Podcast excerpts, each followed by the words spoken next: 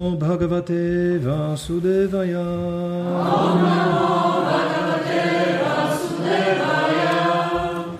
Bhagavad Gita, tak jaką jest, rozdział trzeci, Karma Yoga. Dzisiaj przeczytamy dwa wersety. Potem wyjaśnię dlaczego. Będzie to werset 33 i 34 trzeciego rozdziału. Jest fet, jest, i, przepraszam. Yetvetat aphyasuyanto nadutishtanti mematam sarvagyana vimuthamstam vidhinashtan achetashach. Oj, przepraszam, przeczytałem 32.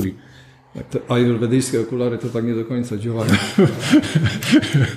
no to one bez szkła, tylko takie dziurki są. no, no. Przepraszam, to były 32 teraz przeczytałem. A, mam 33 i 34. Sadrisham czesztate swasyach prakriter gyanavan api. Dzięki. Prakriti mianti butani nigraha kim karishyati. Tłumaczenie. Nawet mędrzec działa zgodnie ze swoją naturą, każdy, gdyż każdy ulega swojej naturze, będącej darem trzech gun. Cóż, cóż więc może pomóc tłumienie jej? Znaczenie. Prabhupada. Dopóki nie osiągnie się transcendentalnej platformy świadomości Kryszny, nie można uwolnić się od wpływu sił natury materialnej. Tak jak Pan zapewnia o tym w rozdziale 7, 7.14. Dlatego nawet najbardziej wykształcone osoby na planie materialnym nie mogą uwolnić się z więzów Mai jedynie poprzez wiedzę teoretyczną, czy też przez oddzielenie duszy od ciała. Jest wielu tak zwanych spirytualistów, którzy na zewnątrz pozują na zaawansowanych wiedzy, ale w rzeczywistości, w swoim życiu prywatnym, znajdują się pod całkowitą kontrolą jakiejś określonej siły natury, której nie są w stanie pokonać. Ktoś może posiadać wysokie wykształcenie uniwersyteckie, lecz z powodu swojego długiego obcowania z naturą materialną znajduje się w niej niewoli. Świadomość Kryszny pomaga uwolnić się z więzów materialnych, nawet jeśli ktoś wykonuje swoje określone obowiązki w egzystencji materialnej. Dlatego nikt, kto nie jest w pełni świadomy Kryszny, nie powinien nagle porzucać swoich obowiązków, by zostać tak zwanym joginem albo udawać transcendentalistą. Lepiej pozostać na swojej własnej pozycji i próbować osiągnąć świadomość Kryszny pod wyższym przewodnictwem. W ten sposób można osiągnąć, uwolnić się ze szponów Maik Kryszny. I teraz werset 34. Indriyas yardhe ragad veshau vyavasthitau tayor navasham agacha tauhyasya paripanthinau. Tłumaczenie. Istnieją zasady, które kontrolują przywiązanie i niechęć wobec zmysłów i przedmiotów zmysłów. Nie należy poddawać się kontroli takiego przywiązania i awersji, gdyż są one przeszkodą na drodze realizacji duchowej. Znaczenie. Ci, którzy są świadomi w Kryszny naturalny sposób nie są skłonni do angażowania się w materialne uciechy zmysłowe. Natomiast osoby nieposiadające takiej świadomości powinny przestrzegać yy, przepisów i nakazów Pism Świętych. Nieograniczone, nieograniczone, nieograniczone folgowanie zmysłom jest przyczyną materialnej niewoli, ale kto przestrzega zasad i reguł Pism objawionych, ten nie staje się niewolnikiem przedmiotów zmysłów.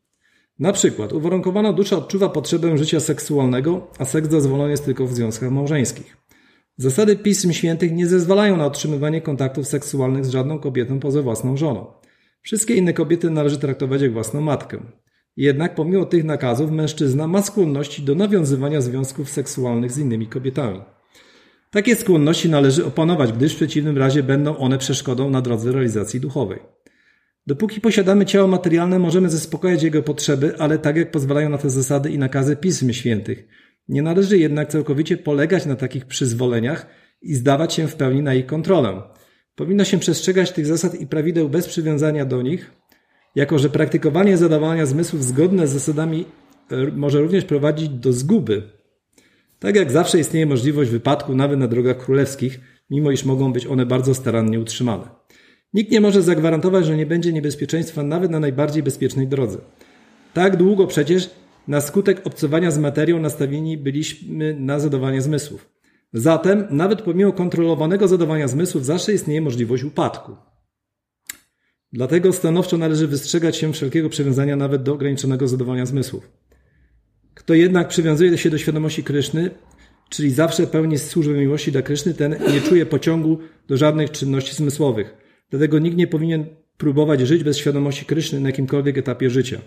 Ostatecznym celem y, wyzbywania się wszelkiego rodzaju zmysłowych przywiązań jest osiąganie platformy świadomości Kryszny. Teraz przeczytam te dwa wersety bez komentarzy. E, Sadrisham czesztaty swasyach prakriter gyanavanapi prakriti mianti bhutani nirgrahach kim karishyati. Nawet mędrzec działa zgodnie ze swoją naturą, gdyż każdy ulega swojej naturze, będącej darem trzech gun. Cóż więc może pomóc w tłumieniu jej? I werset 34. Indriyas yendriyas yarthe ragad vesha vyavasthitau tayorna vasham agachetau hyasya paripanthinau. Istnieją zasady, które kontrolują przywiązanie i niechęć wobec zmysłu i przymiotów zmysłowych. Nie należy poddawać się kontroli takiego przywiązania i awersji, gdyż są one przeszkodą na drodze realizacji duchowej.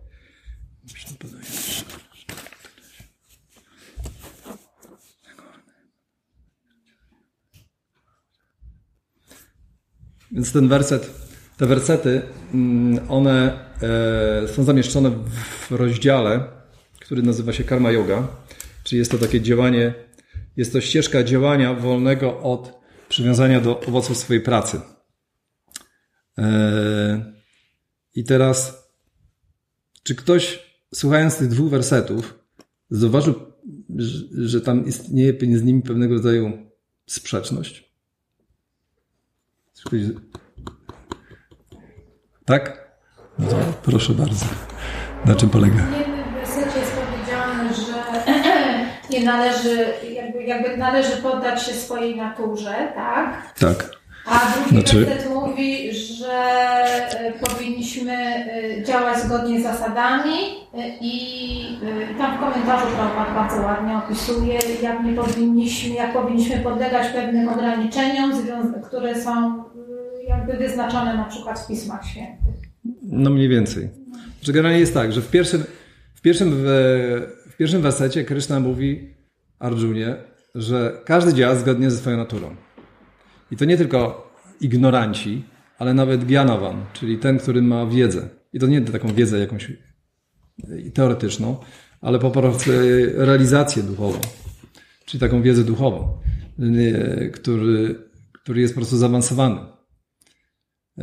I on nawet działa zgodnie ze swoją naturą, więc co dopiero mówić o ignorantach, czyli ludziach, którzy po prostu jakby utożsamiają się z ciałem fizycznym i mentalnym. Że oni działają zgodnie z naturą, więc po cóż, jaki jest sens tłumienia tej natury?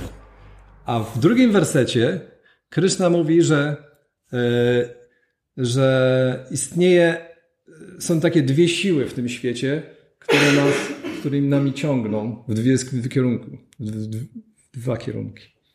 Jedna to jest przywiązanie, a druga to jest awersja, czyli to jak jest magnes, no nie jest, jest przyciąganie i odpychanie, czyli pewne rzeczy, e, do pewnych obiektów jesteśmy przyciągani, a drugich, drugich jesteśmy odpychani.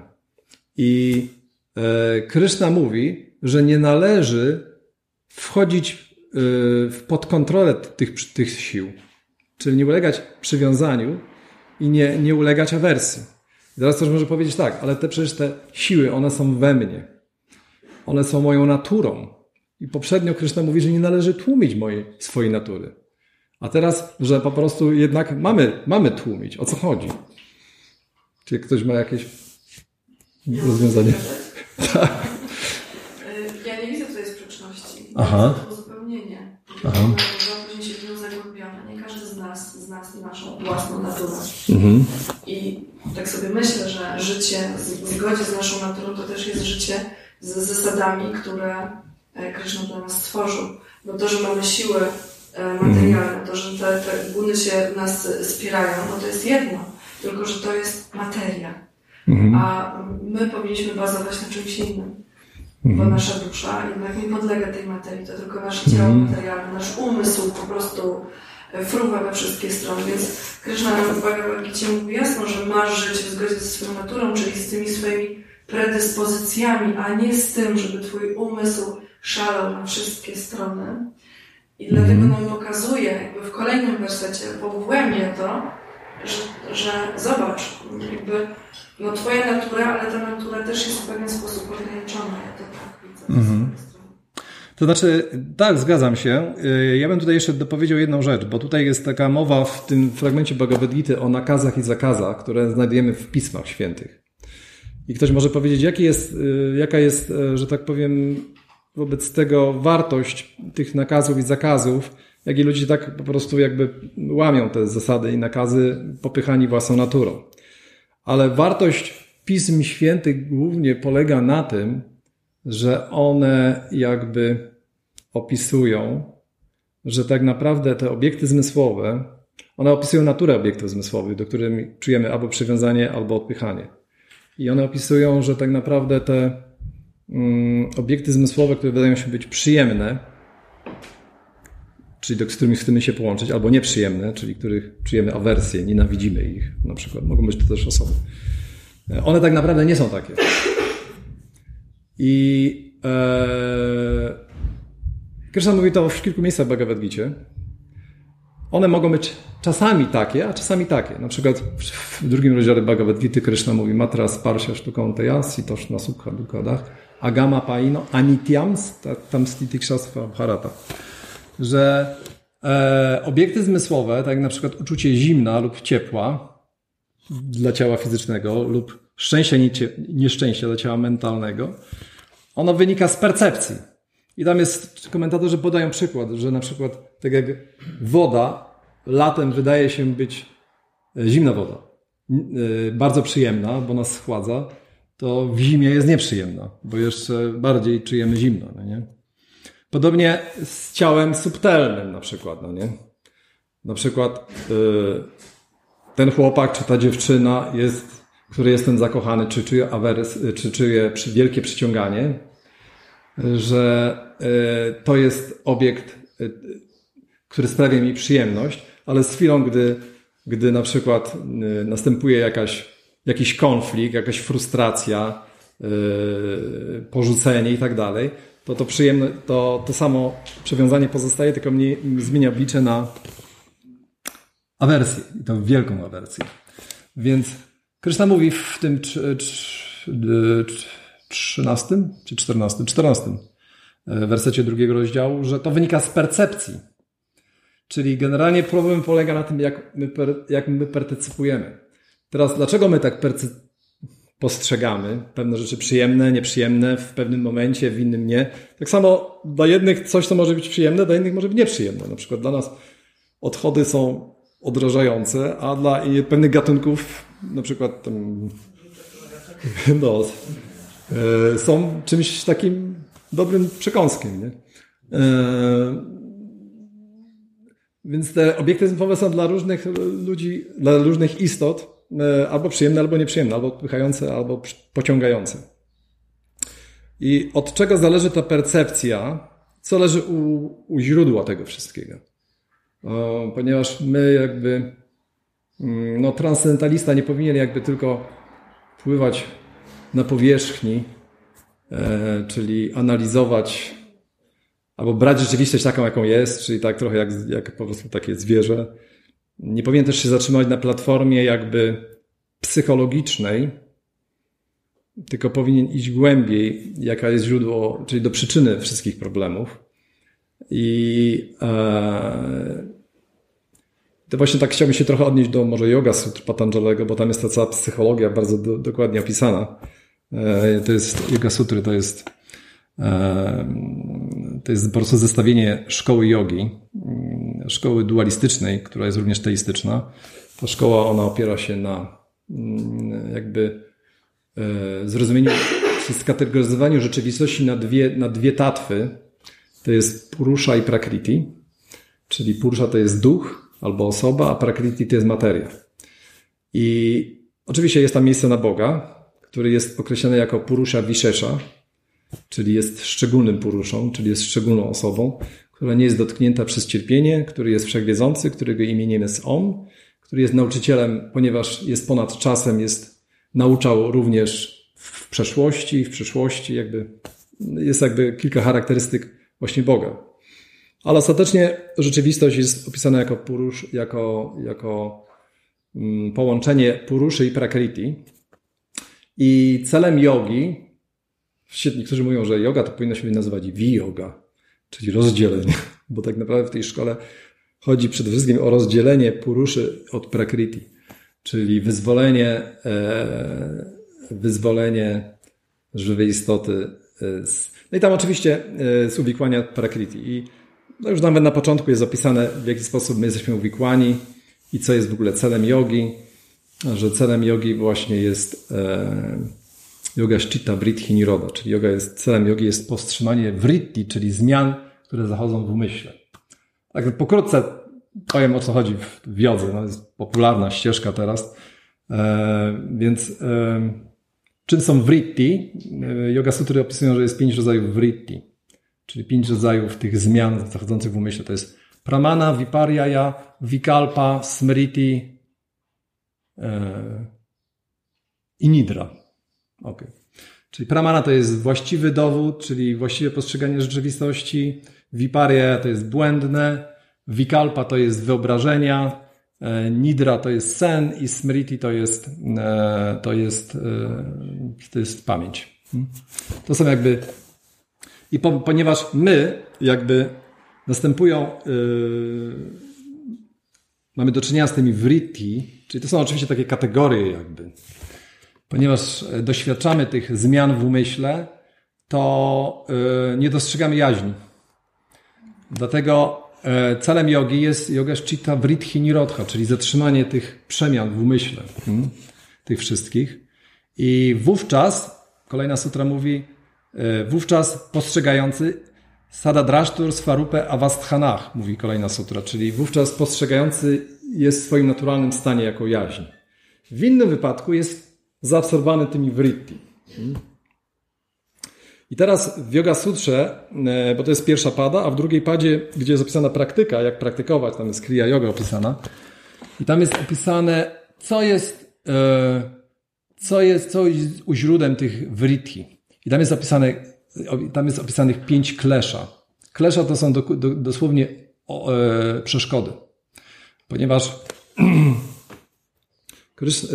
ponieważ Patanjali, on mówi w Yoga Sutrach, jak osiągnąć, jak osiągnąć to Chitta Vritti, czyli to Samadhi. I mówi, że e, właśnie w jednej sutrze mówi, że e, Dhyana Hetuch Savrittayach, czyli vritti, te przemiany umysłowe, one są zatrzymane dzięki, dzięki medytacji. A doskonałą medytacją, taką kompletną medytacją to jest samadhi. Tak, dhi to jest dhyana, to jest, to, jest, to jest medytacja, a sama to jest kompletna czy całkowita.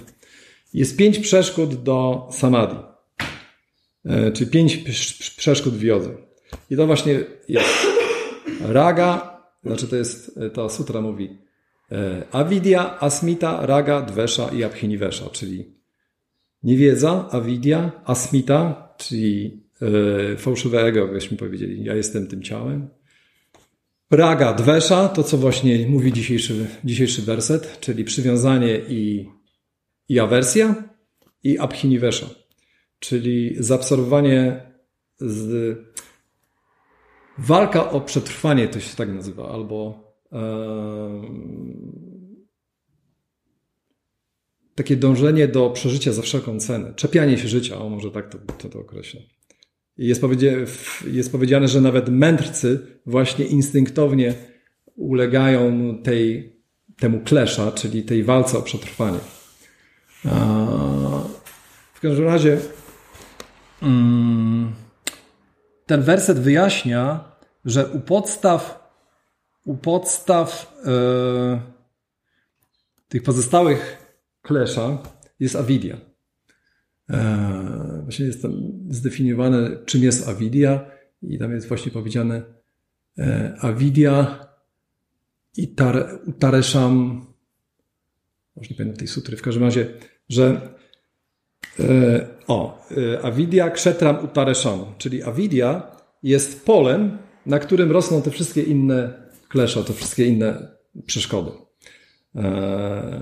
Więc Skoro jeśli my pozbędziemy się awidi, czyli ignorancji, również zginie asmita, czyli fałszywe ego, fałszywe utożsamianie się, które przyjmuje jakby dwie, dwie strony Aham i Mamet. Ja jestem tym ciałem i to, co należy do niego, to jest moje.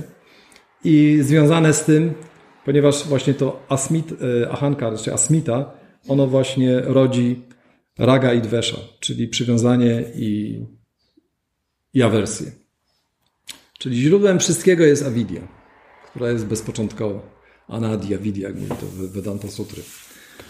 Um, więc teraz jak, jak można, yy, dlatego właśnie pisma, tak wracając właśnie do tego, yy, jaka jest sens przestrzegania tych zasad, że przede wszystkim pisma informują nas, pisma święte, odnośnie ignorancji, w jakiej my przyjmujemy obiekty zmysłowe.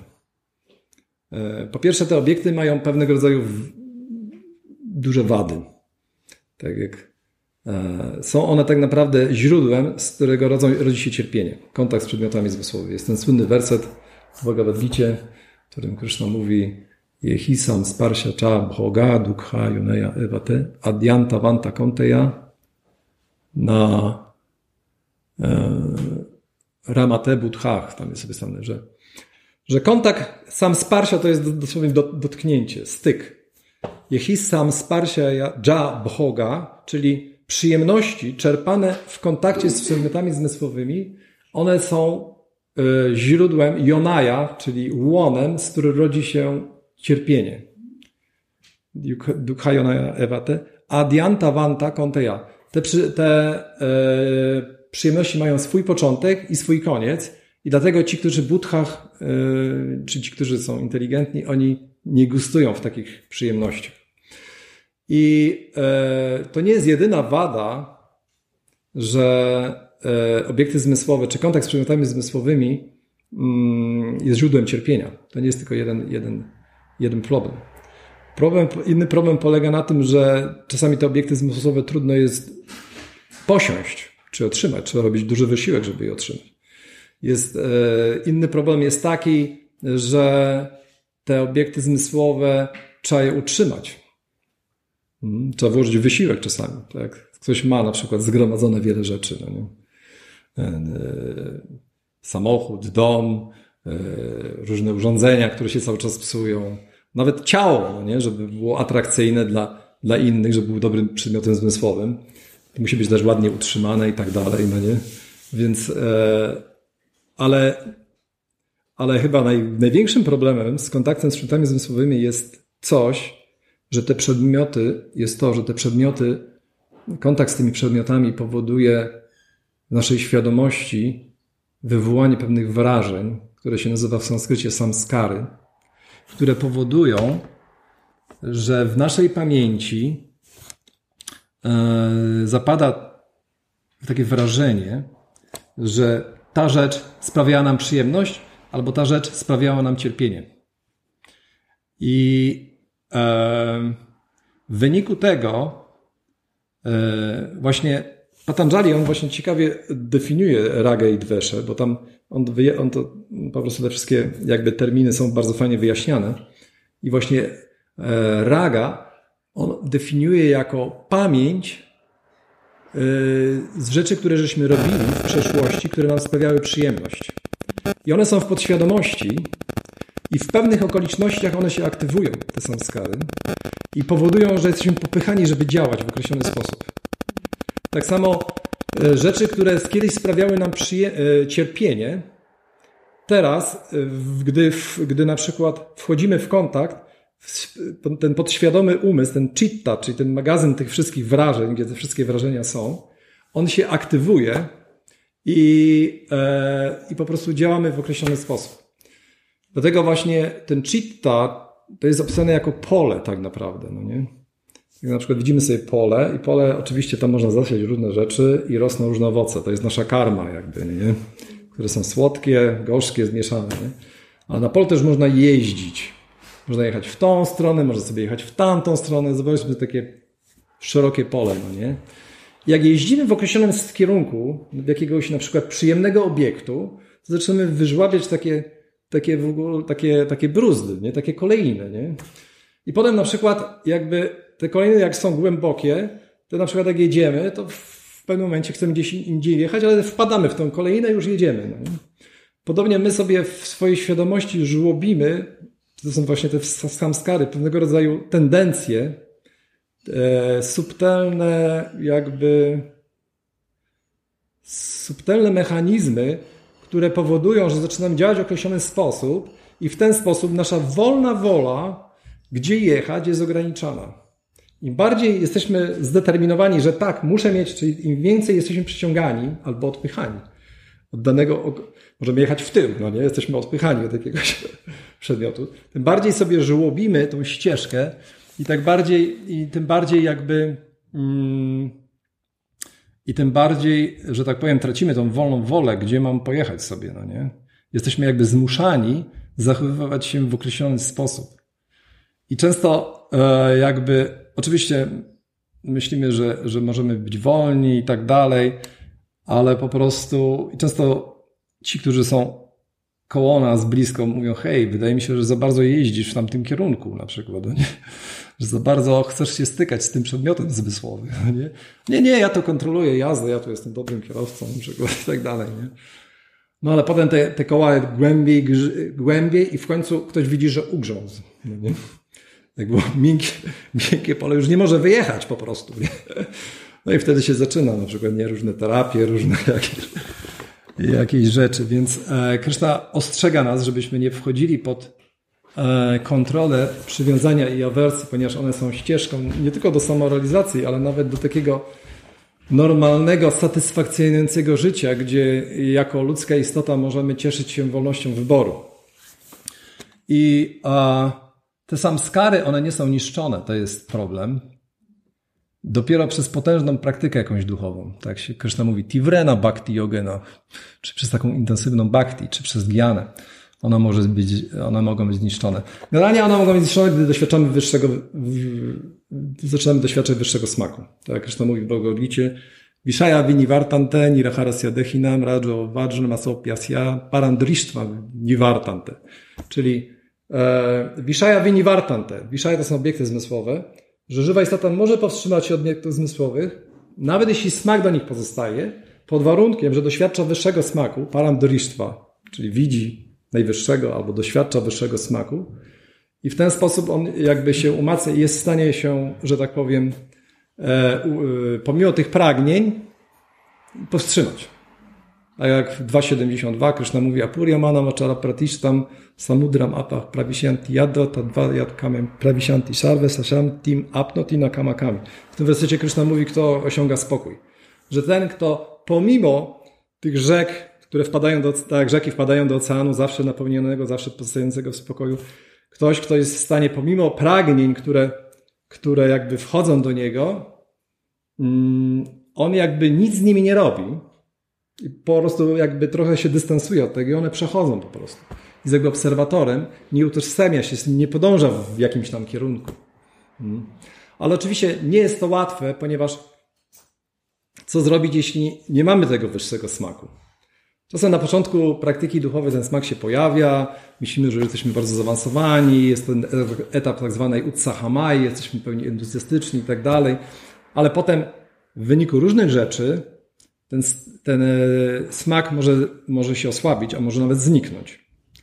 E, I wtedy jesteśmy, jesteśmy, że tak powiem, podatni na waszą, naszą naturę, czyli na to całe pole. Całe pole to się Fabhava nazywa, czyli nasza natura. I w tym polu są ścieżki, czyli samskary, w których możemy jeździć tu, tam i tak dalej. Nie? E, I wtedy jest niebezpiecznie. I Krishna tutaj Jaka jest największa atrakcja w tym świecie materialnym? To może powiem. Jaka jest największa taka e, kolejna, która nas tak, że tak powiem, z którego wszystkie inne tak wychodzą kolejne. tak. Prabhupada tutaj właśnie podaje przykład odnośnie e, w tym wersecie, odnośnie życia seksualnego, że zasady pism świętych zezwalają na utrzymywanie kontaktu seksualnego nie zezwalają na żadną kobietę, na żadną kobietę poza własną żoną, wszystkie inne kobiety należy traktować jak, jak własną matkę.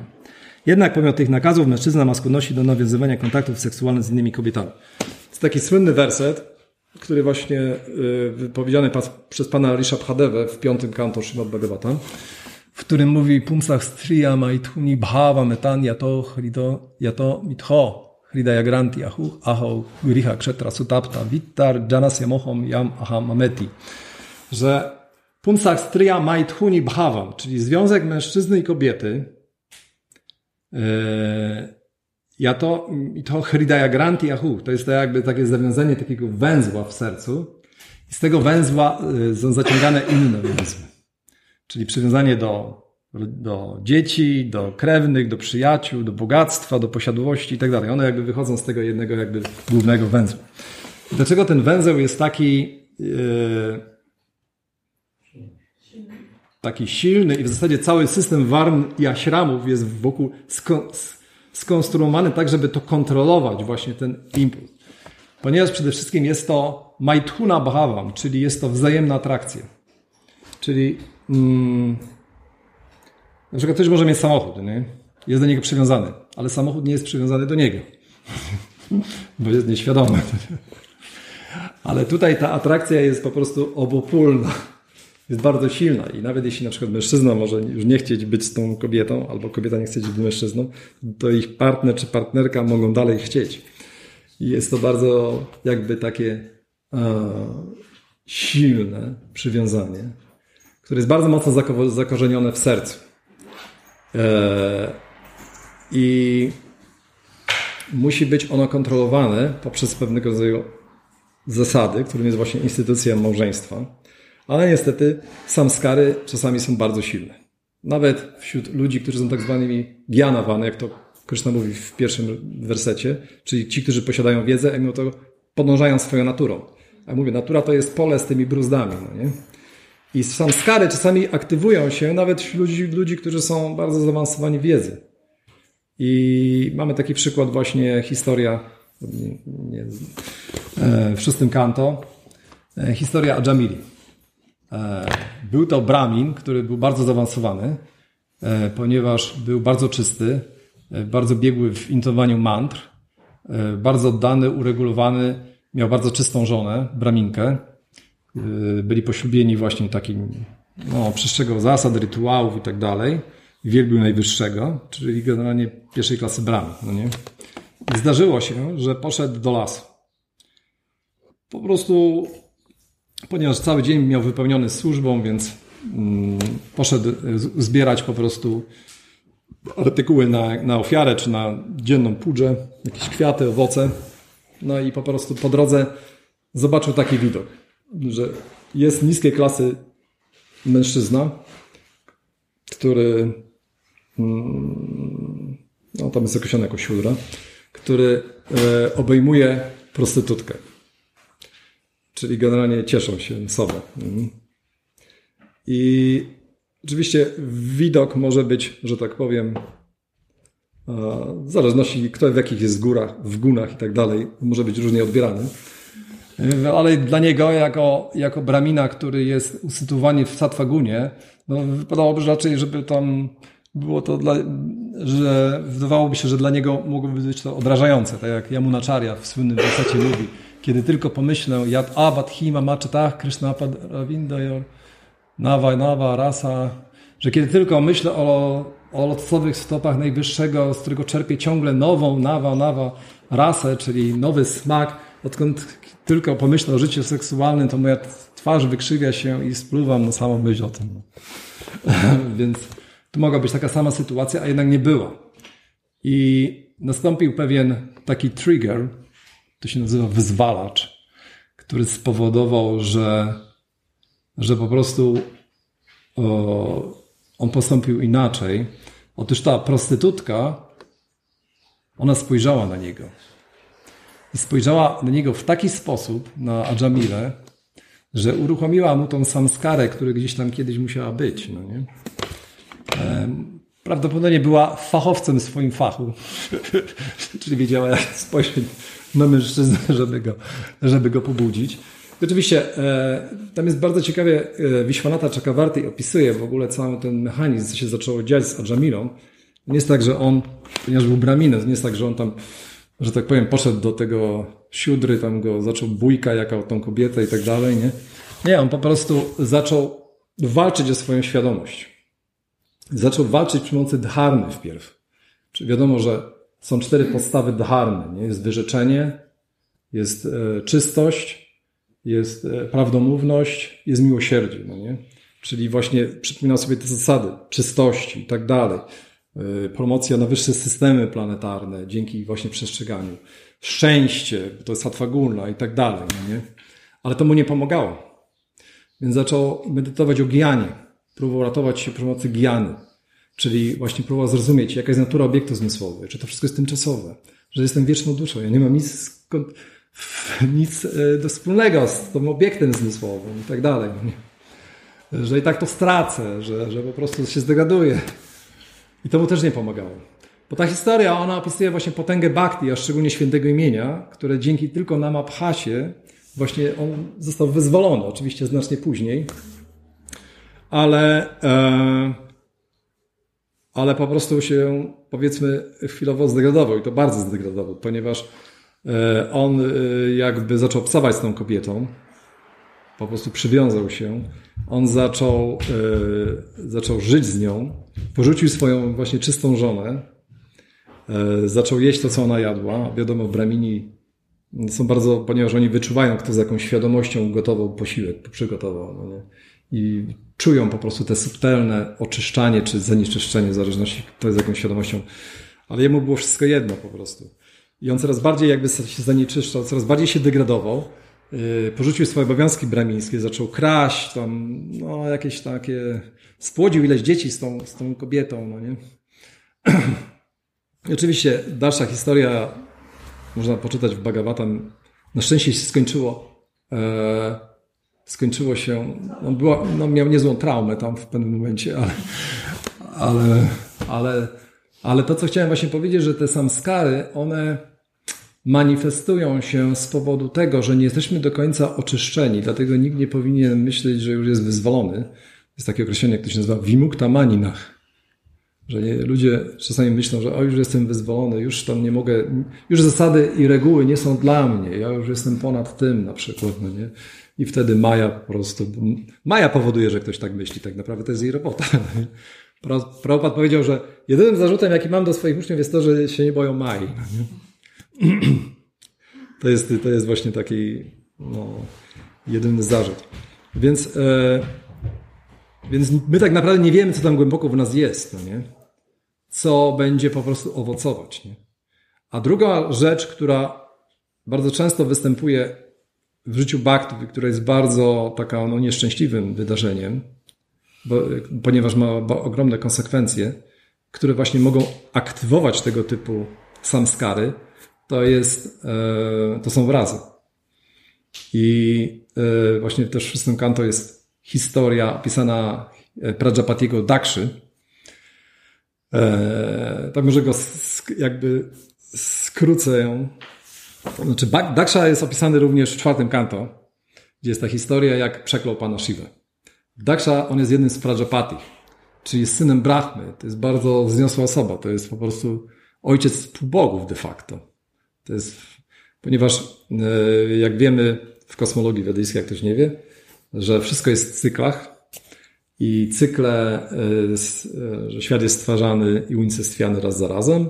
Jest, są, I są różnego typu stwarzania i różnego typu unicestwiania. Jest całkowite, częściowe, jest też takie podczęściowe w okresie tak zwanych manów, czyli takich ojców ludzkości, że tam na przykład wyższe systemy planetarne pozostają, niższe są niszczone i tak dalej. Wszystko jest w cyklach. Jakby. Więc Daksha, on urodził się w okresie Swajambuwa Manu, czyli pierwszego Manu, i on, wtedy była ta historia, jak on przeklął pana Shiva, który był jego zięciem, bo był, e, bo był mężem jego córki Sati. E, I on, e, jest ta historia tam opisana, bardzo taka ciekawa, e, ponieważ tam no, różne takie mistyczne rzeczy się działy. E, generalnie przeklął go z powodu zazdrości wobec pana Shiva. Pan Shiva oczywiście jest największym Wajsznawą, on to tolerował, ale właśnie przez, prze, przez niego, jego, jego córka, córka Dakszy, Sati, ona po prostu popełniła samobójstwo. e, w tym mistycznym ogniu. I wtedy pan Shiva się bardzo zdenerwował i stworzył tego demona Virabhadrę, który zabił Dakszę, odciął mu głowę i, i potem tam umieścili zamiast głowy Dakszy głowę kozła. W każdym razie e, potem e, Daksza, e, on e, narodził się ponownie w szóstej manwantarze, czyli miliony lat później. I on przez ten czas, jak mówisz Srimad Bhagavatam, on medytował i wypełnił bardzo, bardzo takie surowe pokuty i wyrzeczenia i urodził się jako e, syn praczetów i córki drzew. Pracetowie chcieli spalić drzewa, to też kolejna historia, nie będę wchodził. E, w każdym razie, e, ponieważ w Dakszy było bardzo silne pragnienie stwarzania potomstwa. I on był bardzo zdeterminowany żeby właśnie tego dokonać. I po to właśnie praktykował te pokuty i wyrzeczenia. W, do, w Dolinie Wzgórz Wantychia jest to opisane. W każdym razie yy, próbował wielbić Najwyższego Pana, właśnie w tej szóstej manwantarze, czyli Czakshusza Manu, yy, poprzez ofiarowanie Najwyższemu Panu yy, modlitw Hamsaguya, które są również opisane w Srimad Bhagavatam, takie gloryfikujące Najwyższego Pana, dzięki którym udało mu się zadowolić Narayana, który pojawił mu się właśnie na Garudzie i właśnie przyznał mu to błogosławieństwo. I e, Daksza, on y, dostał błogosławieństwo Najwyższego, on y, miał jedną żonę, nie pamiętam jak ona miała na imię, w każdym razie spłodził z nią, ponieważ był Prajapatim, 10 tysięcy synów którzy są e, nazywani jako Hariaszwowie. I ci Hariaszwowie, e, ponieważ e, to był początek stworzenia, początek Manwantary, więc, więc chcieli zaludnić po prostu wszechświat. No. Taką misję miał. Więc ci synowie mieli mu pomóc i aby to sprawnie szło, żeby mieli siakti, siłę, żeby to zrobić, oni poszli, udali się nad rzekę Sindhu, czyli na zachód Barata Warszy y, i tam właśnie, gdzie Sindhu wpada do oceanu, oni tam praktykowali, mm, Narayana Sara się nazywa to miejsce, y, oni praktykowali tam właśnie surowe wyrzeczenia. I wtedy pojawił się Narada Muni i on zobaczył, że tutaj oni praktykują takie surowe wyrzeczenia, po to, żeby tylko płodzić dzieci. Lepiej, żeby te wyrzeczenia, że tak powiem, praktykowali do zadowolenia Najwyższego Pana, ponieważ jakby no, osiągnął wieczną korzyść. Więc zaczął ich nauczać w taki enigmatyczny sposób.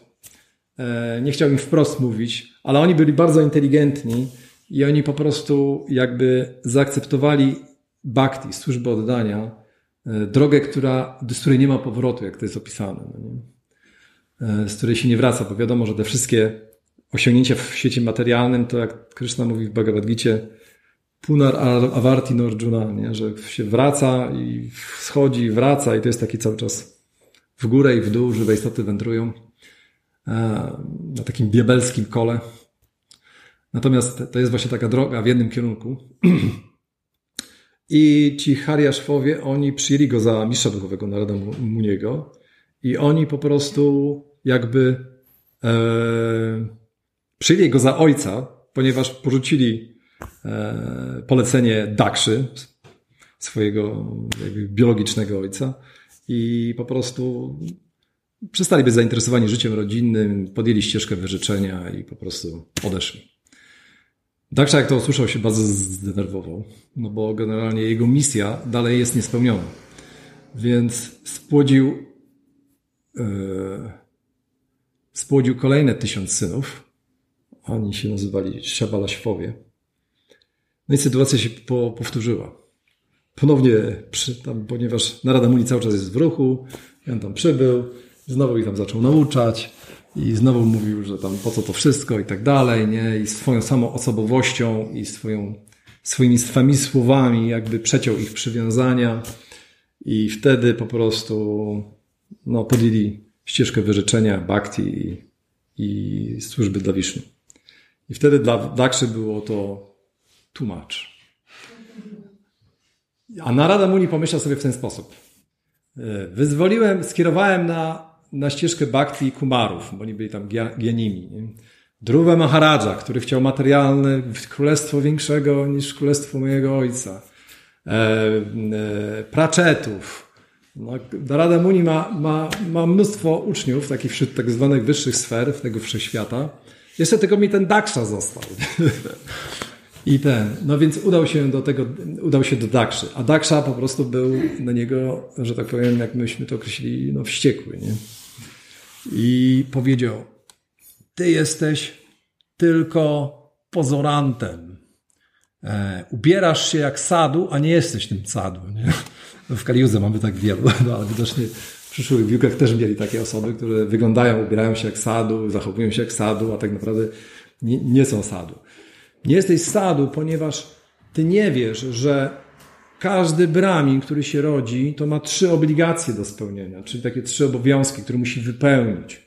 Czyli obligacje wobec mędrców i e, te obligacje wobec mędrców to e, możesz wypełnić, czyli taki dług poprzez brahmaczarię, wobec półbogów poprzez ofiary i trzecia wobec przodków.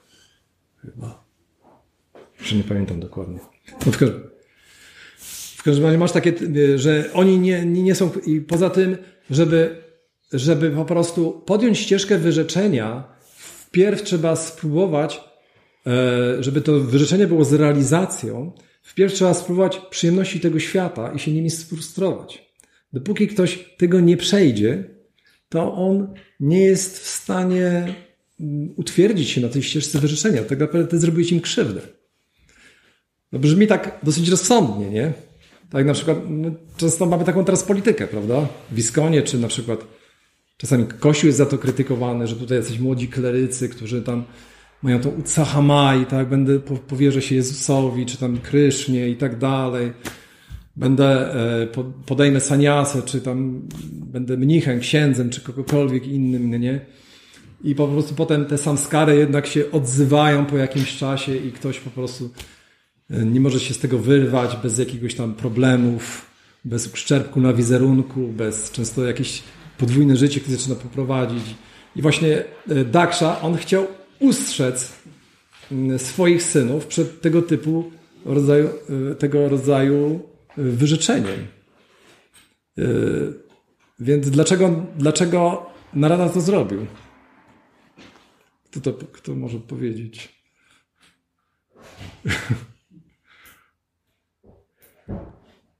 Jest takie jedno słowo, które dobrze to objaśnia. Jest bardzo ważne. To się często pojawia. To jest ahi, a, Adhikara. To jest jedno, jedno z odpowiedzi. To jest Adhikara. Czyli Narada Muni był świętą osobą, czyli jest osobą transcendentalną i wie, kto jest kwalifikowany do czegoś. Adhikara to znaczy kwalifikacja, eligibility. Do czego my jesteśmy kwalifikowani. Jest bardzo ważna zasada, żeby, żeby ją, że tak powiem, zastosować w życiu duchowym. Ponieważ my mamy różną, różne historie, za sobą, różne samskary, różne procesy duchowe i należy to odkryć, do czego ja jestem kwalifikowany w tym życiu. I działać odpowiednio do tego. Dlatego nawet jest taki przydomek. Madhyama Dikari, Kanishta Dikari, Grihasta Dikari. Znaczy, to są wszystko jakby nasze możliwości, nasza ta swabhawa, w, jaki, w jakim kierunku my możemy właśnie iść. No Natomiast to jest jedna strona medalu, a z druga strona medalu, która jest bardzo istotna, to jest właśnie towarzystwo. I w przypadku tych synów Dakszy były dwie rzeczy zachowane. Czyli, czyli mieli adikarę, czyli byli kwalifikowani, jednocześnie mieli towarzystwo e, zaawansowanego wielbiciela Narady Muniego. E, natomiast Daksza miał towarzystwo Narady, ale nie miał adikary. Dlaczego nie miał adikary? Chociaż był półbogiem i nawet najwyższy Pan mu się objawił. Dlaczego on nie miał adikary? To co właśnie powiedziałem. Dlaczego się niektóre samskary uruchamiają? Pan e, właśnie Narada powiedział coś takiego. No dlaczego nie miał najwyższego smoka? Nie, Narada Mudi do tego doszedł. Że chciałem przybyłem, bo tylko on mi został. Jemu chciałem dać, dać po prostu i mówi, jak potężna jest obraza wobec, wobec wielbiciela, że on po prostu obraził pana Shivę ileś kalb wcześniej i to się za niego ciągnie po prostu. I te historie, one nam pokazują, jak istotne jest, że po prostu mm, ktoś, kto może, praktyk- może być bardzo kwalifikowany, może mieć usytuowany satwagunie, tak jak na przykład Saubhari Muni, kolejny przykład, no nie? On, żeby nie mieć kontaktu z, z przedmiotami zmysłowymi, to był taki jogin, to zanurzył się w wodzie. Ponieważ człowiek nie jest istotą wodną, więc generalnie w wodzie nie ma dla niego przedmiotów zmysłowych. No nie? Przedmioty zmysłowe tam chodzą na ziemi, powie, powiedzmy. No nie? Więc on się zanurzył pod wodą i tam medytował przez tysiąc lat. Ale zobaczył e, ryby kopulujące, czyli tarło ryb i po prostu to pobudziło jego samskary w umyśle i wyszedł i tam spłodził z córkami króla ileś tam dzieci i tam, no powiedzmy upadł, no nie? Dlaczego upadł? Dlatego, że kiedyś przy, kiedyś przybył, on medytował chyba w, w tym Kalia, w tym, we Vrindavan, mm, w rzece Jamuny i przyleciał Garuda łapać ryby, ponieważ to jest jego pokarm, a Garuda to jest silny pana Wisznu i on przeklął Garudę. I dlatego, dlatego właśnie upadł, z tego względu. Właśnie pomimo tych wszystkich wyrzeczeń, praktyki i tak dalej, właśnie tak, jest, tak niebezpieczne są właśnie obrazy. I Daksha, on przeklął pana Shivę, potem przeklął Naradę, właśnie ta historia się tak kończy, że e, przeklął go, żeby nigdy, że tak ciągle chodzisz i ciągle tutaj siejesz zamęt, e, po prostu sprowadzasz e, moich wszystkie 60 11 e, tysięcy moich chłopców przez ciebie straciłem, nie? Tak jak na przykład niektórzy, jak żeśmy się przyłączali do, do świadomości Kryszny e, i było właśnie te, też ciekawe, że, że ten, że Daksha zaczął lamentować, że najgorzej to mieć dobrych synów, bo wtedy można ich stracić, no nie? Tak właśnie Shukadeva Goswami. E, on był brahmagianim od samych początku swoich narodzin i po prostu jak się urodził po kilkunastu latach, bo nie chciał wyjść z łona matki, żeby nie być nie mieć kontaktu z przedmiotami zmysłowymi. W końcu jak wyszedł przy pomocy jakiejś interwencji Wiasadewy, to wyszedł z domu, nawet się nie odwrócił na rodziców i tyle go widzieli. Nie? I ojciec za nim wybiegł i mówi, synu, wraca i tylko echo mu odpowiedziało, więc nawet Siukadewa Goswami nawet nie, nie był, nawet nie miał potrzeby jakby odpowiedzieć swojemu ojcu. I właśnie tak sobie zaczął rozpaczać, że najgorzej to mieć dobrych synów, bo po prostu można ich stracić, no nie? jak właśnie, no mówię, baktowie często się tam przełączali też, rodzice, o straciłem, mógł iść, czy mogła iść na studia, mogła to, mógł, mógł tamto, nie? I, no ale właśnie Daksza rozpaczając mówi, ciągle po prostu się, ciągle gdzieś, gdzieś, gdzieś przychodzisz i siejesz zamęt. Przeklinam cię, abyś po prostu nigdy nie zaznał miejsca stałego. No nie? I e, ponieważ e, narada jest osobą ponad dualizmami, czyli nie widzi to jest dobre, to jest złe, tylko widzi wszystko jako łaskę, to on to przyjął po prostu. Że to jest po prostu dla jego, zobaczy jaki jest w tym sens, jaki będzie w tym sens. Eee, no i oczywiście mm, Daksza już był sfrustrowany tym, że, że po prostu kolejni synowie, więc spłodził 60 córek wtedy. już mówię, dosyć z synami, do dużo kłopotów. 60 e, córek i 10 dostał Yamaracz. 27 e, e, córek dostał Bóg Księżyca, którego, którego Daksza też przeklął, ponieważ Bóg Księżyca, Chandra, został bardzo, otrzymał 27 żon i powinien je równo traktować. To był bardzo przywiązany do jednej żony, do Rohini, E, oczywiście te 27 żon księżyca to są nakszatry w astrologii, jak ktoś zna astrologię wedyjską.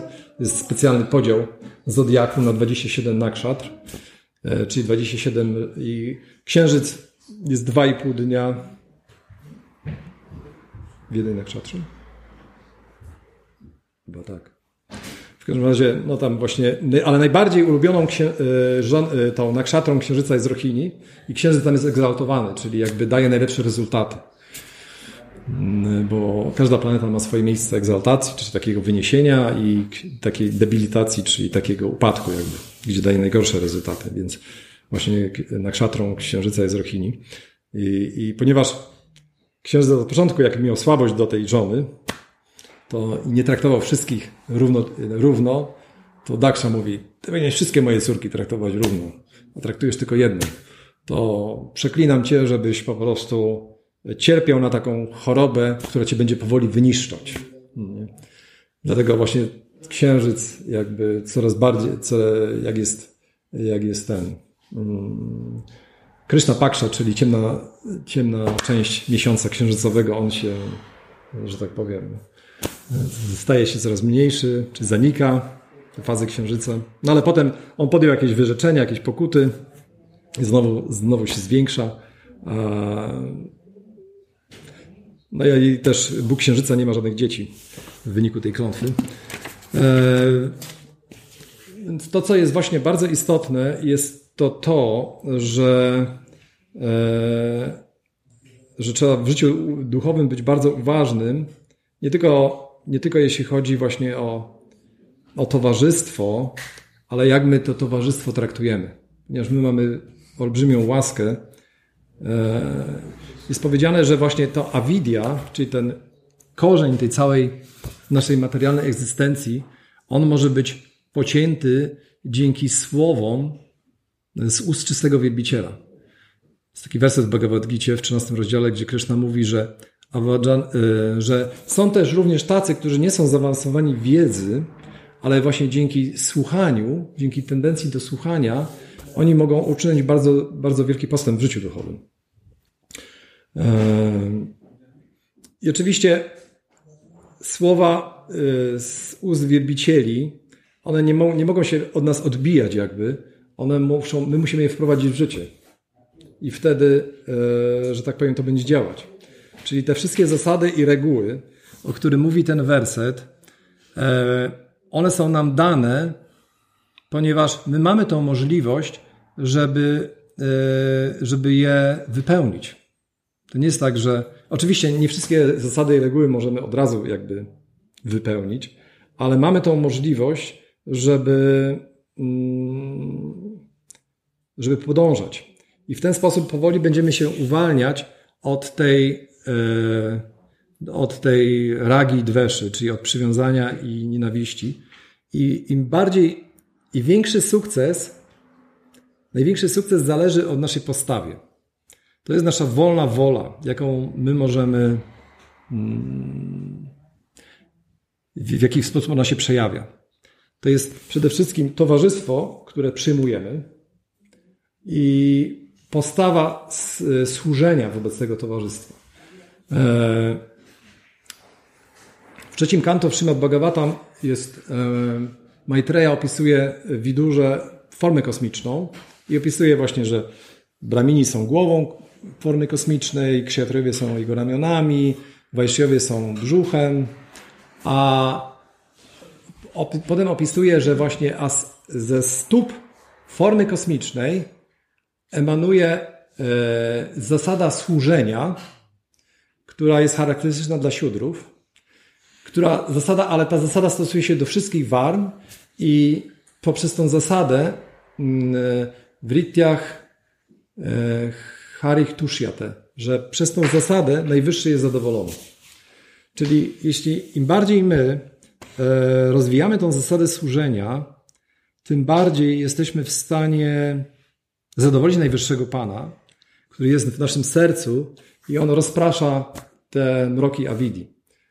Czyli można powiedzieć, że w zasadzie my nie mamy możliwości sami, mm, nie mamy sami możliwości wyzwolić się z tej niewiedzy, która jest w zasadzie od czasów niepamiętnych, można powiedzieć od nieskończoności. Dopiero jak w pełni zadowolimy Najwyższego Pana, e, wtedy On nam usuwa tą, tą, tą niewiedzę. Jest oczywiście dużo wersetów w Bhagavad Gita, które można właśnie tutaj zacytować. Jak właśnie ten werset Devi Hiesha Guna Mai Mama Maya Duratyaya.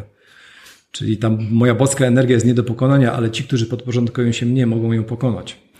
Albo werset Ewa, Evam, Evanukam Partham Aham Agianam Jam Tamasach.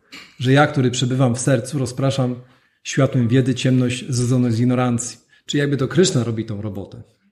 Nasza, nasza działka to jest zadowolenie go. To zadowolenie właśnie można osiągnąć poprzez, e, poprzez taką postawę służenia, która jest praktycznie możliwa w każdych warunkach. To jest właśnie takie wspaniałe, że e, możemy sobie myśleć, że a ja nie, nie mam kwalifikacji do, do, do, do niczego. Na przykład nie umiem tego, nie umiem śpiewać, nie umiem robić wykładów, nie umiem, nie umiem gotować. No w sumie co ja tutaj robię? Nie?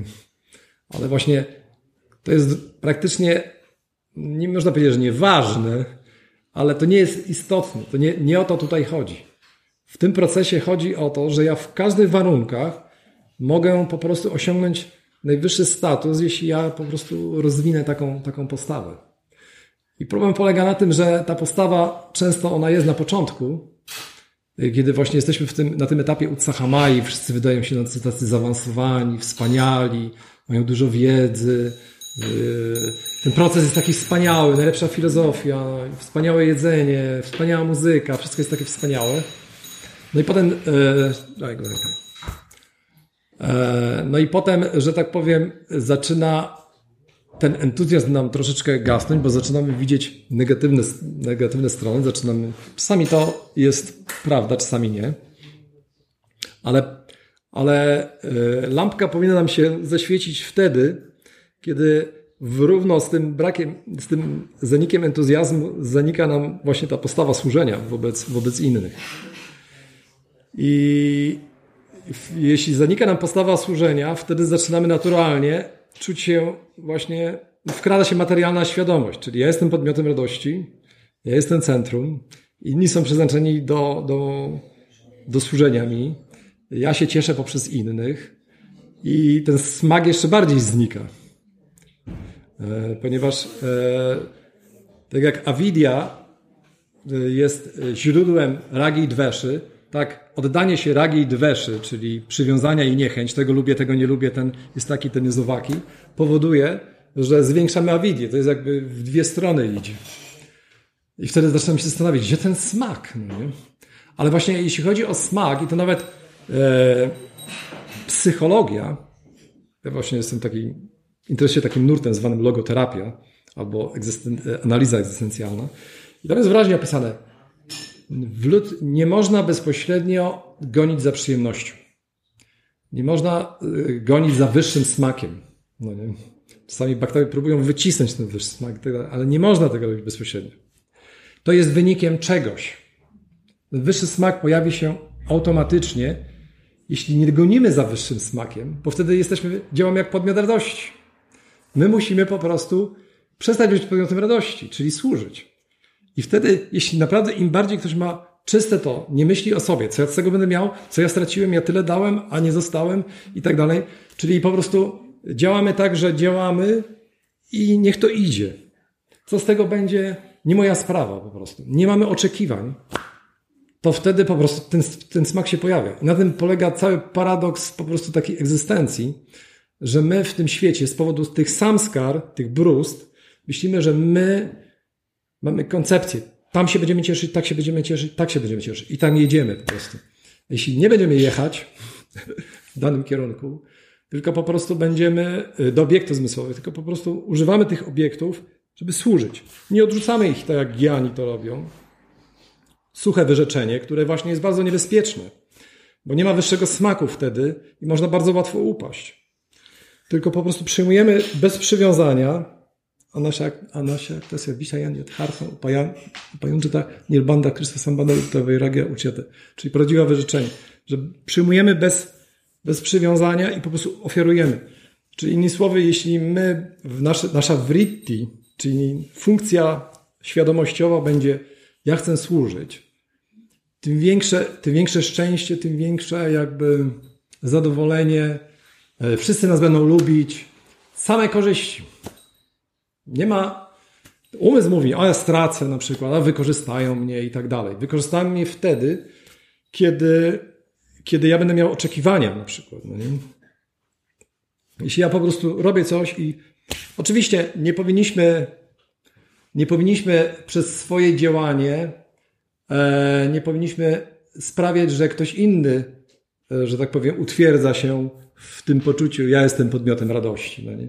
Jeśli widzimy, że ktoś nas po prostu eksploatuje e, bez miłosierdzia, nie powinniśmy na to pozwolić. Tak jak pan Kapila opisuje jakby cztery rodzaje bhakti i e, w trzecim, w trzecim kanto Srimad Bhagavatam opisuje bhakti w gunie ignorancji, w gunie pasji, gunie dobroci i nirguna bhakti. Czyli gunie ignorancji to ktoś po prostu jest pełen przemocy, zazdrosny, zawistny i tak dalej. I Vishwanatha Chakravarti Thakur, on opisuje, że jeśli chodzi o tego typu osoby, yy, powinniśmy oddawać im szacunek w umyśle, ale nie powinniśmy z nimi obcować. Yy, ponieważ ich bhakti nie jest silna, ponieważ bhakti powoduje, że rozwijają się na wszystkie dobre cechy. Więc po cechach można rozpoznać, kto, kto jakim jest baktą.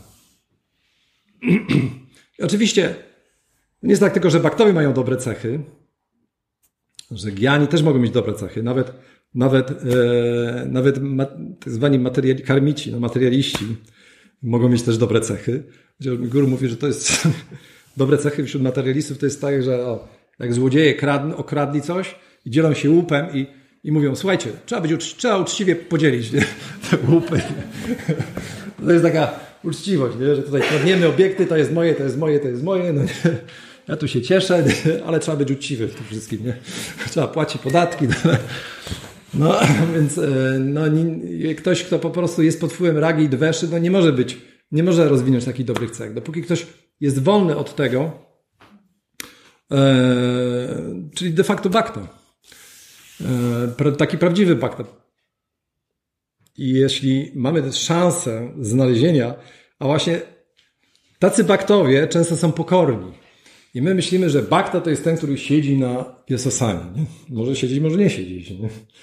Może na przykład nosić szafraną, musi się mieć szafranowe doty. Może być tak, może nie być tak, nie? Musi mieszkać w świątyni, nie? Wcale nie musi, nie? Może, może mieszkać na zewnątrz po prostu. Ale ta, ym, na ile właśnie ta, ta jego ym, pragnienie służenia, im bardziej spontaniczne, tym bardziej po prostu jest, e, jest bliżej, bliżej Kryszny. Ja w zasadzie chciałem trochę o czymś innym mówić. Chciałem mówić o wolnej woli, wolnej woli i, i e, uwarunkowaniu. Jak to działa. Ale chyba za, dale, za daleko zabrnąłem. Chyba się już nie cofnę. Tak teraz dopiero się... Proszę? Podsumować wszystkiego. Znaczy ja bym tak podsumował, że, że no, generalnie każdy z nas e, e, powinniśmy być taki respok, e, e, retrospektywni. Bardziej, że no, e, jakby e, Ludzie, jak, jak się zbliżają do wieku dojrzałego, czy do starości, robią sobie takie podsumowanie życia, taki bilans. No co ja osiągnąłem, co straciłem, co mogłem zrobić inaczej, co, co, co, mm, jakie szanse mi minęły, a jakie wykorzystałem na przykład, no nie? No i najczęściej ten bilans kiepsko wychodzi, dlatego ludzie często mają depresję, nie? A tutaj dzieci to, a tam to nie takie, jakie chciałem, nie? Albo tutaj no, no, no, różne rzeczy. Najczęściej, najczęściej się kończy frustracją, no bo jakby wszystko zostawiamy ostatecznie. I najczęściej ludzie, a, przemam wspomnienia. I żyję tymi wspomnieniami na przykład. Czyli ta pamięć, no nie, chociaż czasami ta pamięć też zaczyna szwankować, nie? No, najczęściej wpierw ta krótkotrwała pamięć zaczyna szwankować, czyli ktoś zapomina, gdzie zostawił, a ta długotrwała jeszcze jakoś tam. Te, te, te, nie? Natomiast, e, natomiast no, ponieważ ktoś był przywiązany do rzeczy tymczasowych, do obiektów zmysłowych, to traci, czy nawet ciało zaczyna, że tak powiem, doskwierać i, i pogłębia się taka właśnie depresja, samotność i tak dalej. Natomiast yy, my powinniśmy robić też sobie taki bilans. Uważam, że to jest takie yy, dobre i zobaczyć, na ile my zrobiliśmy postęp w bhakti. na ile myśmy coś zrealizowali, na ile nasza świadomość się oczyściła, na ile żeśmy się uwolnili od, od po prostu pewnego rodzaju pokusów, pokus, na ile żeśmy się, e, na ile żeśmy się utwierdzili w jakiejś tej, może, może nie robimy dużo, ale po prostu jesteśmy w, jak, w jakiejś stali, przeszliśmy pewnego rodzaju testy, nie było łatwo, ale po prostu no, przeszliśmy to jakoś dalej, próbujemy praktykować świadomość Kryszny, ale naj, najistotniejszą właśnie, najistotniejszym pytaniem w tym wszystkim, poza tymi wszystkimi rzeczami, które żeśmy się oczyścili, na ile ja rozwinąłem mm, to właśnie taką tendencję do służenia y, baktom i innym. Nie można oddzielić Kryszny od, od baktów. Nie ma czegoś takiego. Ba, y, absolut bez baktów to jest brahman. Bez, bez y, niezróżnicowalny, wszechprzenikający, sta, statyczny, no bo jest wszędzie, więc nie ma gdzie się ruszać nawet. On po prostu jest mm, nieokreślony, bez związku. Ale właśnie bhakti powoduje, że brahman zaczyna się ruszać, zaczyna przyjmować formę, zaczyna. E, nie chcę przez to powiedzieć, że, że Brahman jest źródłem Kryszny. Kryszna mówi Brahmanu hi pratishthaha. Ja jestem podstawą Brahmana. Nie? W każdym razie pod wpływem energii, tam gdzie jest bhakti, tam, tam jest tam jest Kryszna. Tak jest. Mój guru często mówi, że e, bhakti, ustępnie bhakti, chladini shakti to jest radarani. I każdy bhakta ma radharani, takie mało radharani w swoim sercu. I tam gdzie jest Radharani tam, tam jest Kryszna, on się po prostu zaczyna manifestować. Formy, cechy, rozrywki, parafernalia i tak dalej. I Kryszna jest przywiązany do bhakti, dlatego jest powiedziane, że miłość jest Bogiem. Można powiedzieć, że miłość jest potężniejsza niż Bóg, ponieważ Bóg jest kontrolowany przez miłość. I on nie może, nie może się, że tak powiem, e, nie może podążać za bhakti. Nie ma, nie, tak naprawdę Bóg jest, e, Bóg w formie e, nie Brahmana, ale, ale nie ma niezależności. I Krishna o tym powiedział. Jak ten, jak Durvasa Muni o, obraził Marisha Maharaja, wielkiego Bhaktę. Wielki jogin obraził wielkiego Bhaktę. To też jest pokazane wyższość Bhakti niż... I uciekał wtedy przed tą czakrą. Znacie tą historię, nie będę jej opowiadał. I i się udał się na Wajkuntę, żeby przyjąć schronienie Narayana, żeby go ocalił. A Narayan powiedział, ja bym chciał cię ocalić, ale jestem, nie powiem, asfatantram, użyję tego słowa, nie mam niezależności. Ja po prostu robię to, co robią moi baktowie. Nie? Ja po prostu podążam za nimi. Ja nie mam niezależności, nie mogę zrobić. Ty musisz, jak chcesz, żeby ktoś ci uratował, to tam Zambarisz Maharaj. No i wtedy właśnie Durvasa Muni tam się udał i upadł na niego i błagał o przebaczenie i wtedy czakra, która ścigała go właśnie jakby i paliła go w plecy. Odsunęła się. Więc, e, to jest bardzo, bardzo interesujący jakby aspekt naszej mm, teologii, bhakti yogi.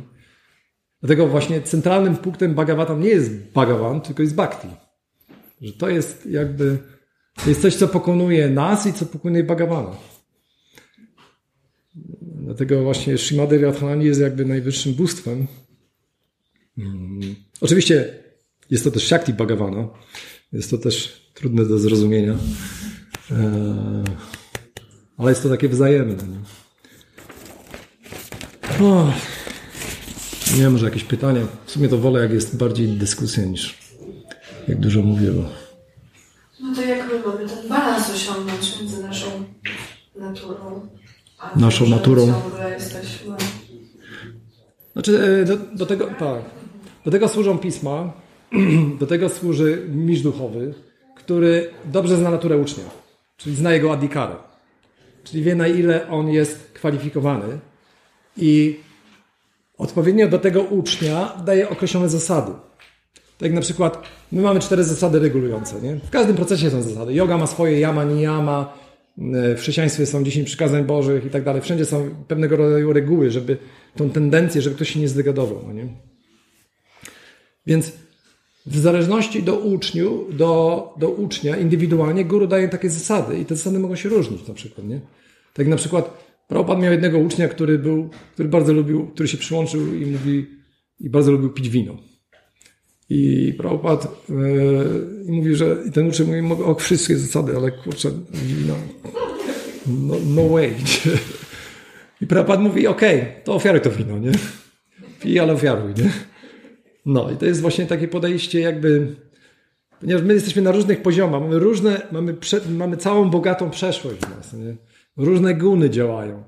Więc nie można kogoś w te same jakby skarpetki włożyć, tych wszystkie osoby, nie? Bo będzie jakby, jakby oczywiście można to przyjąć pewnego rodzaju cel dla tych, którzy na przykład nie są w stanie, ale nikt nie powinien być jakby e, nikt nie powinien się czuć mm, jak to powiedzieć zniechęcony, że nie jest w stanie tego robić, ponieważ e, to jest tylko coś zewnętrznego, a to, co się liczy i to, co nas e, robi, że robimy postęp duchowy, to jest, to jest, e, to jest ta tendencja czy chęć służenia.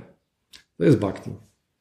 I to można robić w każdym warunku, nawet jak się je mięso, czy tam robi się inne rzeczy. Oczywiście nie znaczy, że my mamy łamać te zasady, bo naszym celem jest zadowolenie mistrza duchowego, zadowolenie Kryszny. I jeśli oni widzą, że my przestrzegamy tych zasad, staramy się przestrzegać tych zasad, robimy wysiłek, to oni są przez to zadowoleni.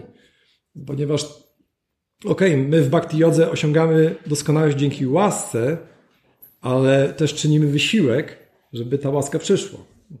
Jak ktoś widzi, że się stara, tak na przykład widzimy dziecko, no uczy się na przykład pisać, czy, czy tam chodzić i tak dalej, i się przewraca i ten, ale my jesteśmy tacy zadowoleni, że on robi postęp, że się stara, że może nie jest najlepszym uczniem w szkole, ale po prostu próbuje się, może nie jest tak inteligentny jak ten, ale próbuje, uczy się, jest, pilny i wtedy czujemy się, że tak powiem, e, zobligowani z chęcią, żeby pomóc takiej osobie. A jak ktoś tylko jest nastawiony na daj, daj, na wymaganie, no to wtedy jest zupełnie inaczej. No.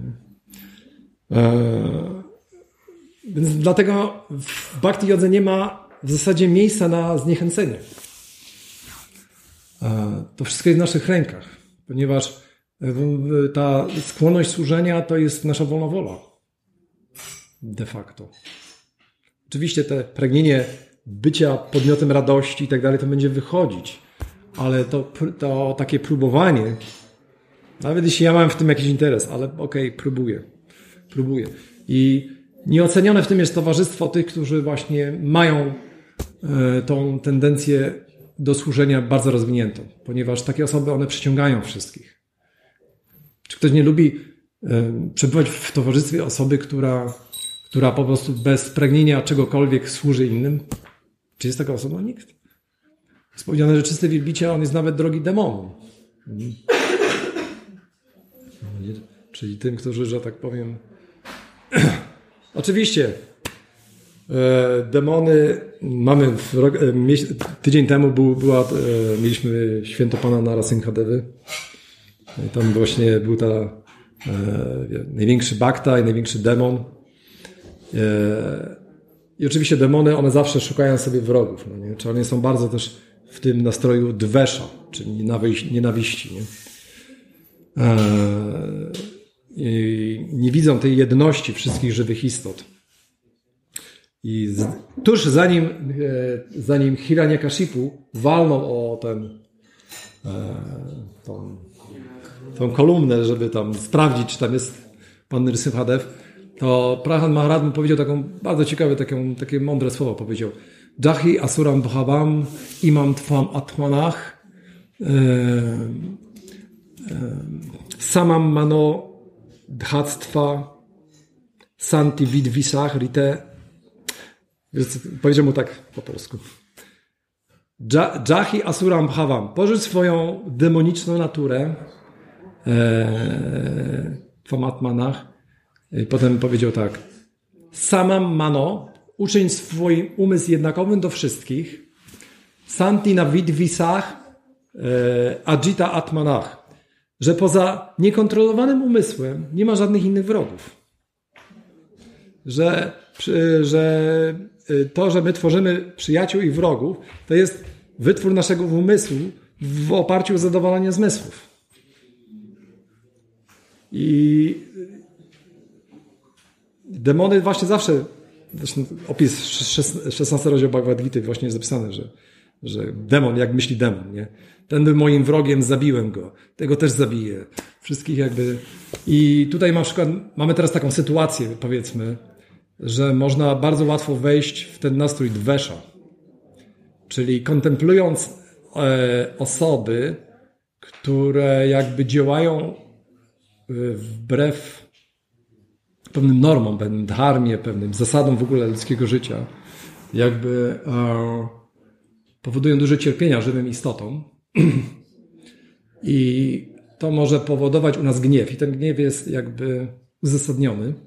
Właśnie w trzecim kanto jest opisane jak e, jak, e, jak Diti no, miała seks w nieodpowiednim czasie z Kasiapą i Kasiapa powiedział, że, że po prostu będziesz miała dwóch złych synów, Hiranyaksha i Hiranyakashipu i ale pojawi się, e, zostaną zabici przez, przez inkarnację Najwyższego Pana, wtedy, kiedy mędrcy, mędrców ogarnie gniew e, z powodu tego, co robią. Czyli jakby można powiedzieć, e, ten gniew jest naturalny, ale ten gniew nie może się przemienić w dwesza, czyli w nienawiść, ponieważ jest to forma przywiązania. Czyli innymi słowy, jak chrześcijanie mówią, powinniśmy powinniśmy nienawidzić grzechu, ale nie grzesznika, ponieważ jeśli na przykład zaczniemy kontemplować jakiegoś na przykład demona, to możemy zacząć mieć zamiast świadomość Kryszny, to świadomość Putina na przykład. To jest taka pułapka, no nie? że to przywiązanie może być w dwie strony na przykład, nie? czy tam w kogokolwiek innego, nie? bo zawsze jest jakiś element zakłócający no nie? życie normalnych ludzi. No Oczywiście jako baktowie powinniśmy wiedzieć, że nikt nie jest niezależny w tym świecie i wszystko, co się odbywa, jest z woli kogoś.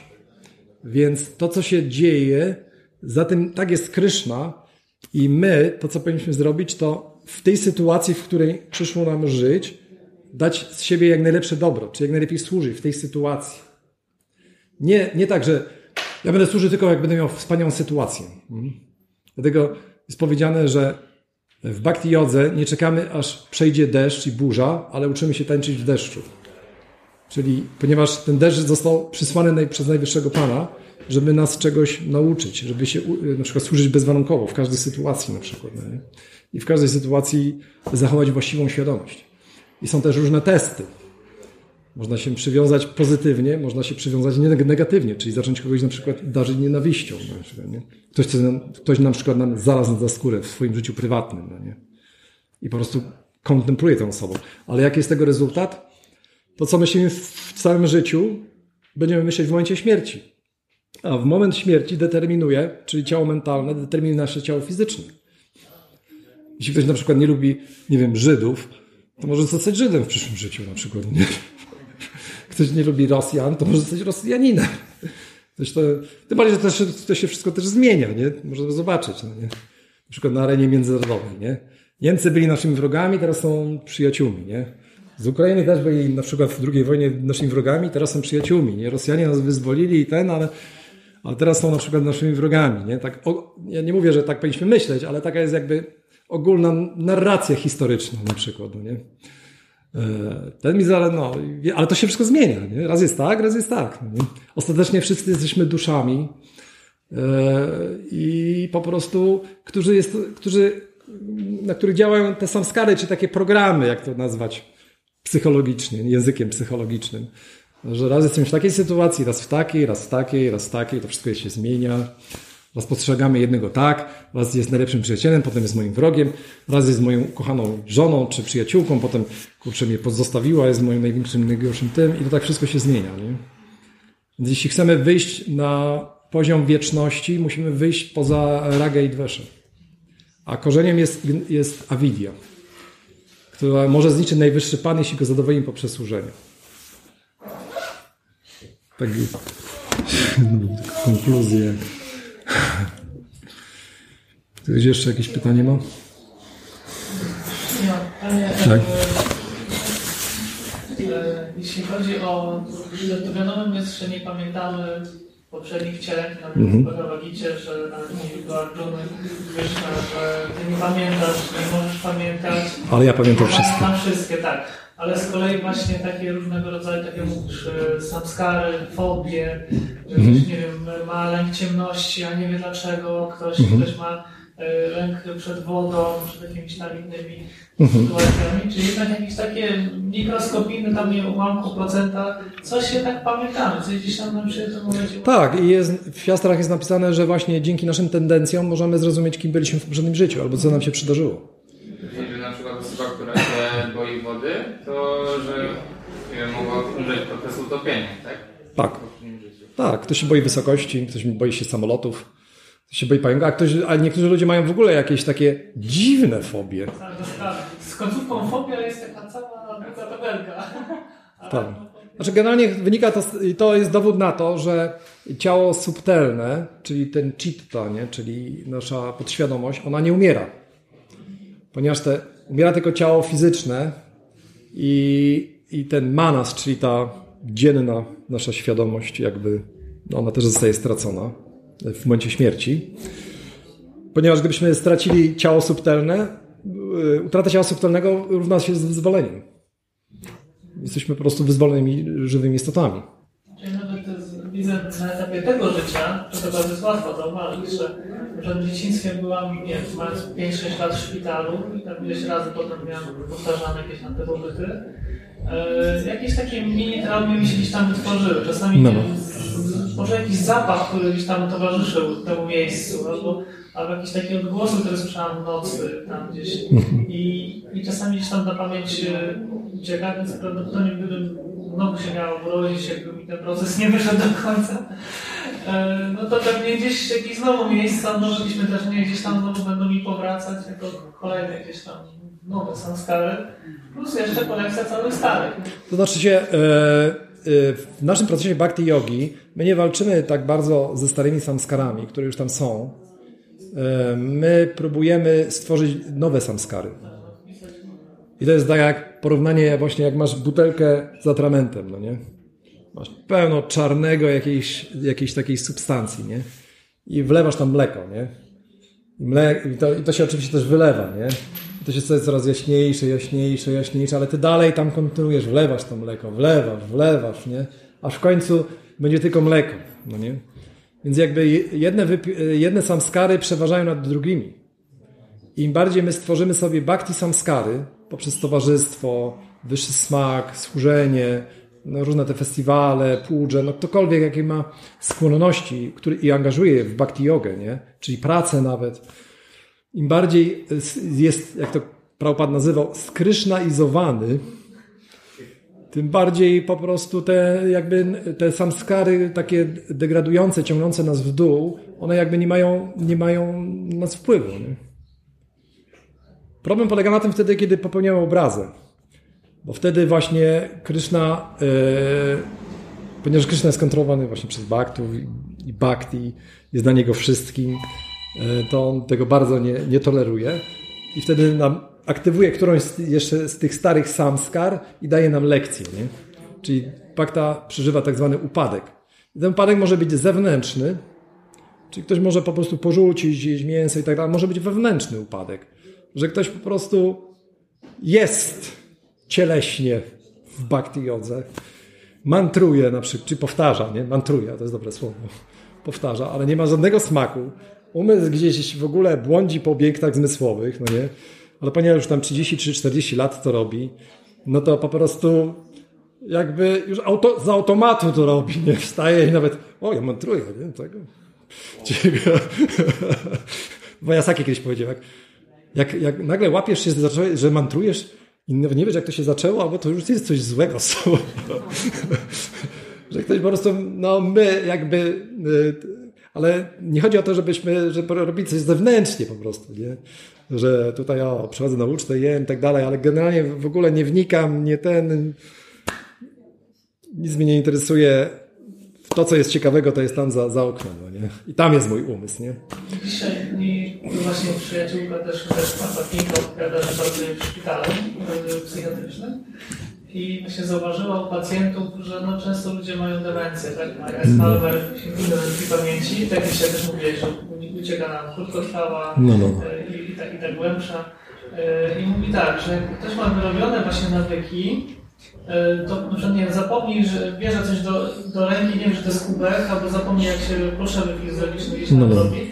Ale jak miał na, na, na nawyki, że o Jezusko, Jezusko, Jezusko, co tam jakieś Tak, takie tak. wyuczone jakieś takie powiedzonka, zwroty, jakieś takie różne gesty, to to jest niezatarte, to praktycznie funkcjonuje do końca.